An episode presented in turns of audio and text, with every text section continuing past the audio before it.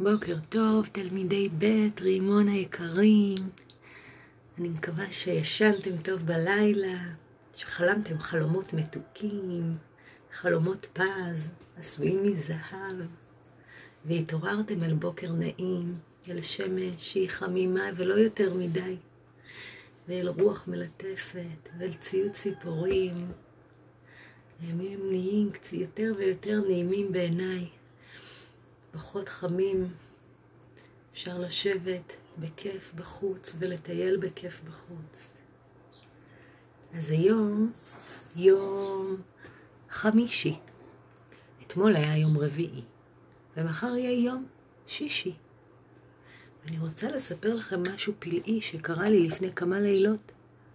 ישבתי בחוץ לארוחת ערב עם המשפחה. מאוד נהנינו מהחוץ הנעים. ממזג האוויר. ואז פתאום הבחנתי שעל ענף הלבנדר יש גוש עפרפר, ממש באותו צבע של הענף. כשהבטתי על הגוש הזה לא הבנתי מה זה. אמרתי, מה? זה לא היה ענף, זה לא היה עלה, זה גם לא היה פרח, זה היה פשוט גוש על הענף. בהתחלה חשבתי שמישהו הדביק מסטיק על הענף. אז התקרבתי ובחנתי את הגוש הזה. ככל שהתקרבתי לא האמנתי למראה עיניי. הגוש הזה היה זיקית קטנטנה, זיקית תינוקת שישבה על ענף הלבנדר. זיקית שהייתה מגולגלת, כל כולה. הזנב שלה השתבלל לו וגם הראש, ועיניה היו עצומות, היא ישנה, החמודה. כל כך מתוקה היא הייתה וכל כך קטנה. לא האמנתי שיש זיקיות בגודל כזה. כל כולה הייתה פחות מחצי הזרת שלי. פחות מחצי הזרת. זה היה ממש מדהים.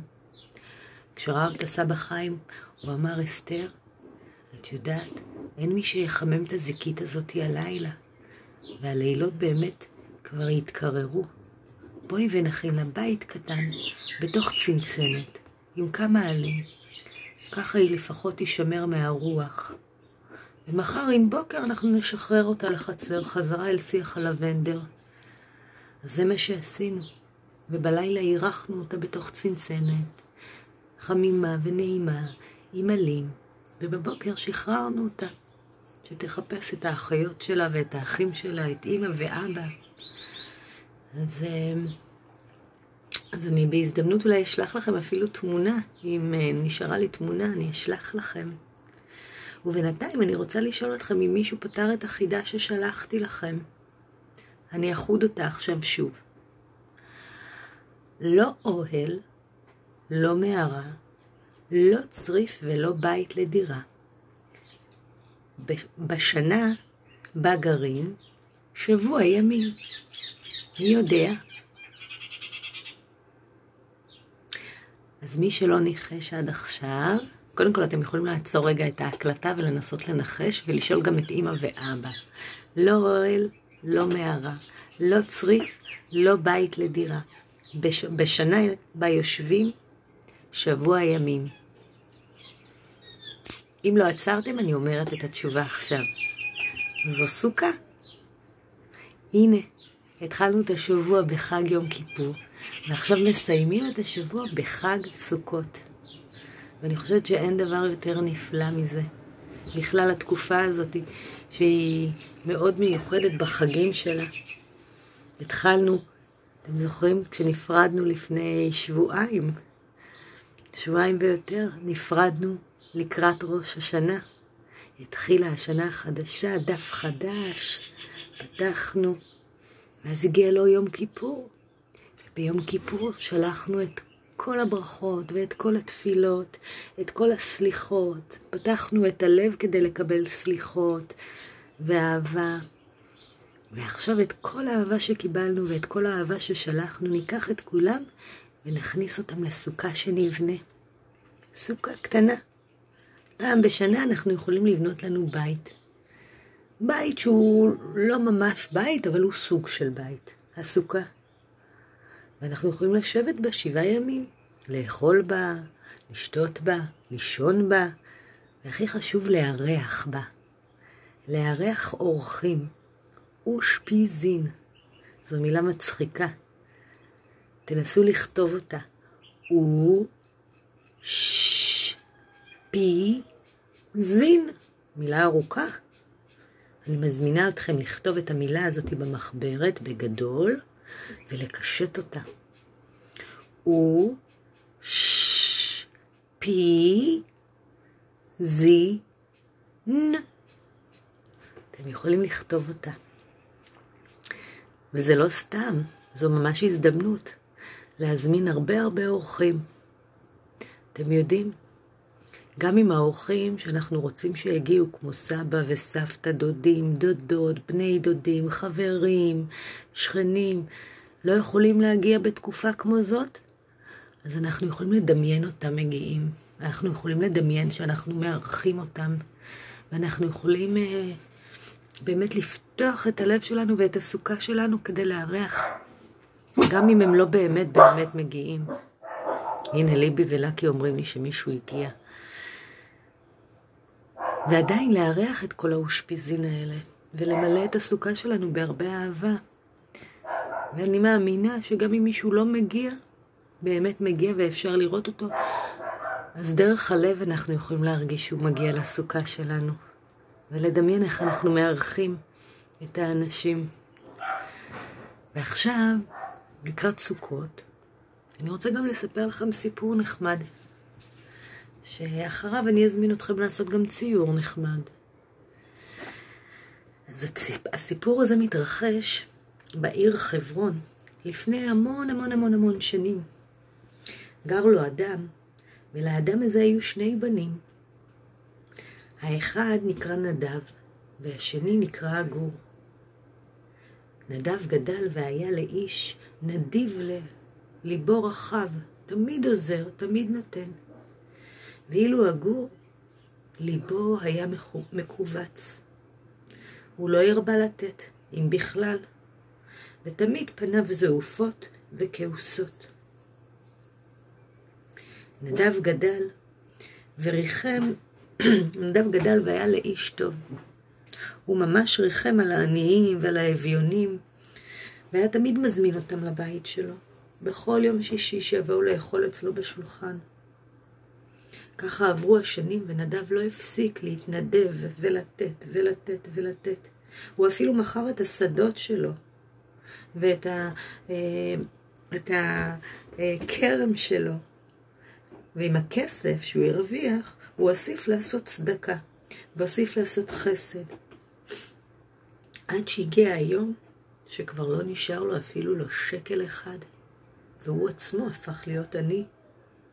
כבר לא יכל אפילו לקנות אוכל לבני ביתו. והנה, הגיע חג סוכות. אשתו לקחה את מעט השקלים שהיו לו, נתנה אותם לבעלה נדב ואמרה לו, קנה בכסף הזה לחם לילדינו, כי אין לנו בבית אפילו לא פת לחם. נדב לקח את הכסף והלך לקנות לחם. ובדרך חשב, אה, כיצד היה רוצה, כיצד הוא חולם על סוכה גדולה, מלאה באור, מקושטת ויפהפייה, שבה הוא יוכל לארח את כל מי שרק ירצה. כל מי שאין לו בית, כל מי שאין לו קורת גג, כל מי שאין לו אוכל. הנה חג סוכות מגיע החג האהוב עליו, שבו אפשר לארח אנשים בלי סוף, מבוקר ועד ערב, ולא רק ביום שישי, כל יום. אבל לצערו, אין לו סוכה, ואפילו אין לו לחם לילדיו. ככה הולך הוא אל העיר, וכשהגיע אל העיר, הוא פגש אנשים, והאנשים האלה אוספים כסף. מי מוכן לתרום כסף שלו למען ילדה יתומה ענייה, שאין לה אוכל, בגדים או משקה? שמע זאת נדב, ולא היה יכול להתאפק. מיד ניגש אליהם ונתן את כספו, כל מה שהיה לו. אז אמר בליבו,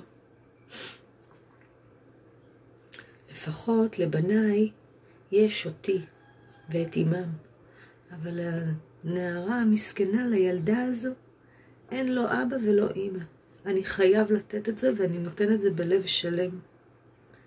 לקחו האנשים את הכסף ובירכו אותו, ואמרו, ישלם לך האלוהים כגמול ידיך.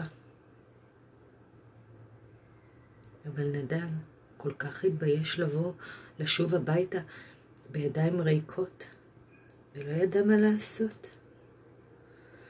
הוא הלך לחצר בית התפילה, ושם הוא ראה ילדים משחקים באתרוגים.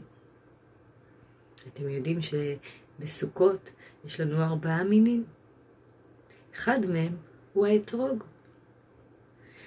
ראה את הילדים משחקים באתרוגים, צהובים וגדולים. האתרוגים האלה מיותרים, ולא היה בהם שימוש. אז אמר נדב לילדים, תנו לי בבקשה את האתרוגים. אפשר? והילדים אמרו לו, קח אותם. אם, אה, יש, אם אתה חפץ בהם, בבקשה. אז לקח נדב שק, והוא מילא את כל השק באתרוגים, וירד באונייה. הוא ירד והגיע לאחת הערים הרחוקות, ואמר לעצמו, פה אמכור את האתרוגים, יהיה לי קצת כסף.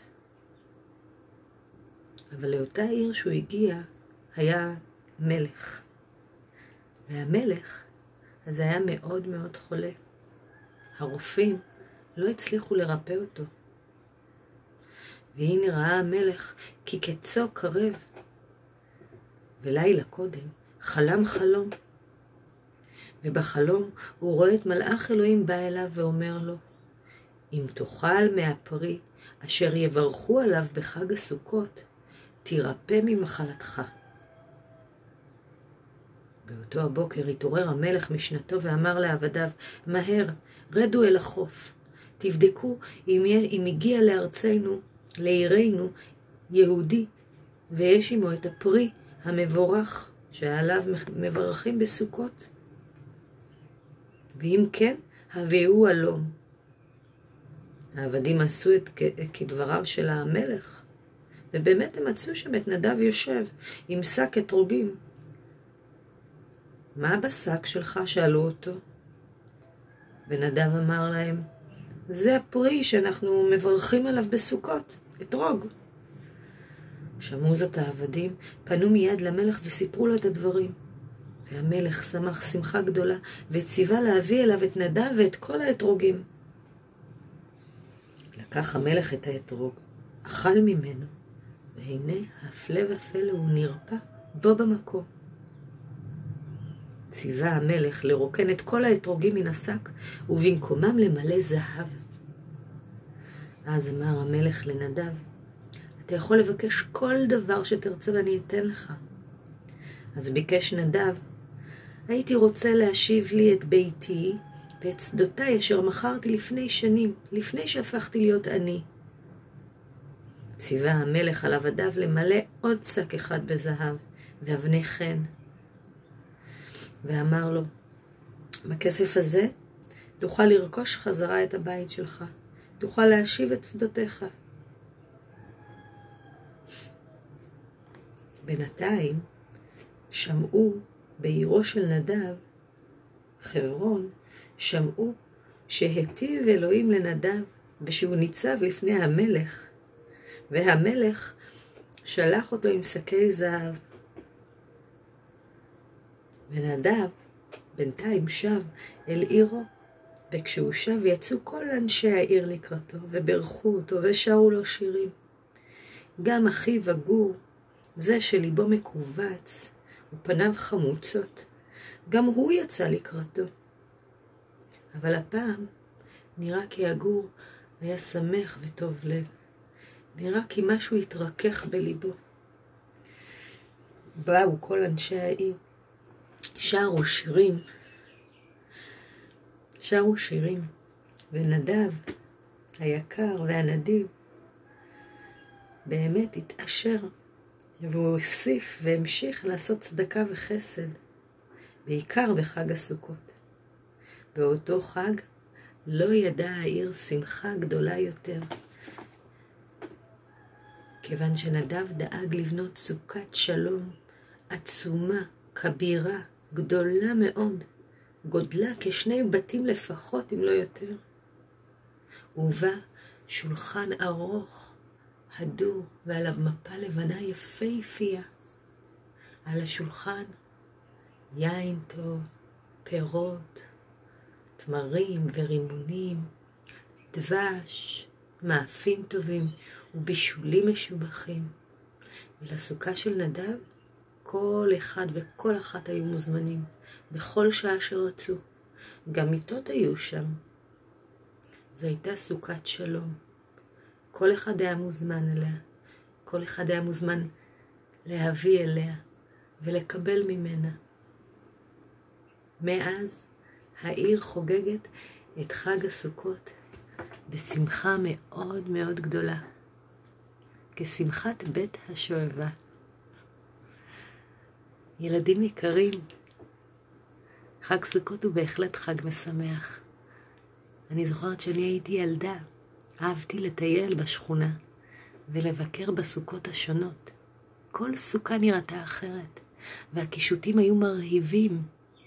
היו יונות שהתעופפו, היו רימונים תלויים ותמרים, ענפי דקל שמקשטים בקשת את הסוכה, המון שרשרות יפות וצבעוניות, המון דברים יפהפיים, באמת, אנשים הפכו את הסוכה שלהם לבית קטן ונחמד.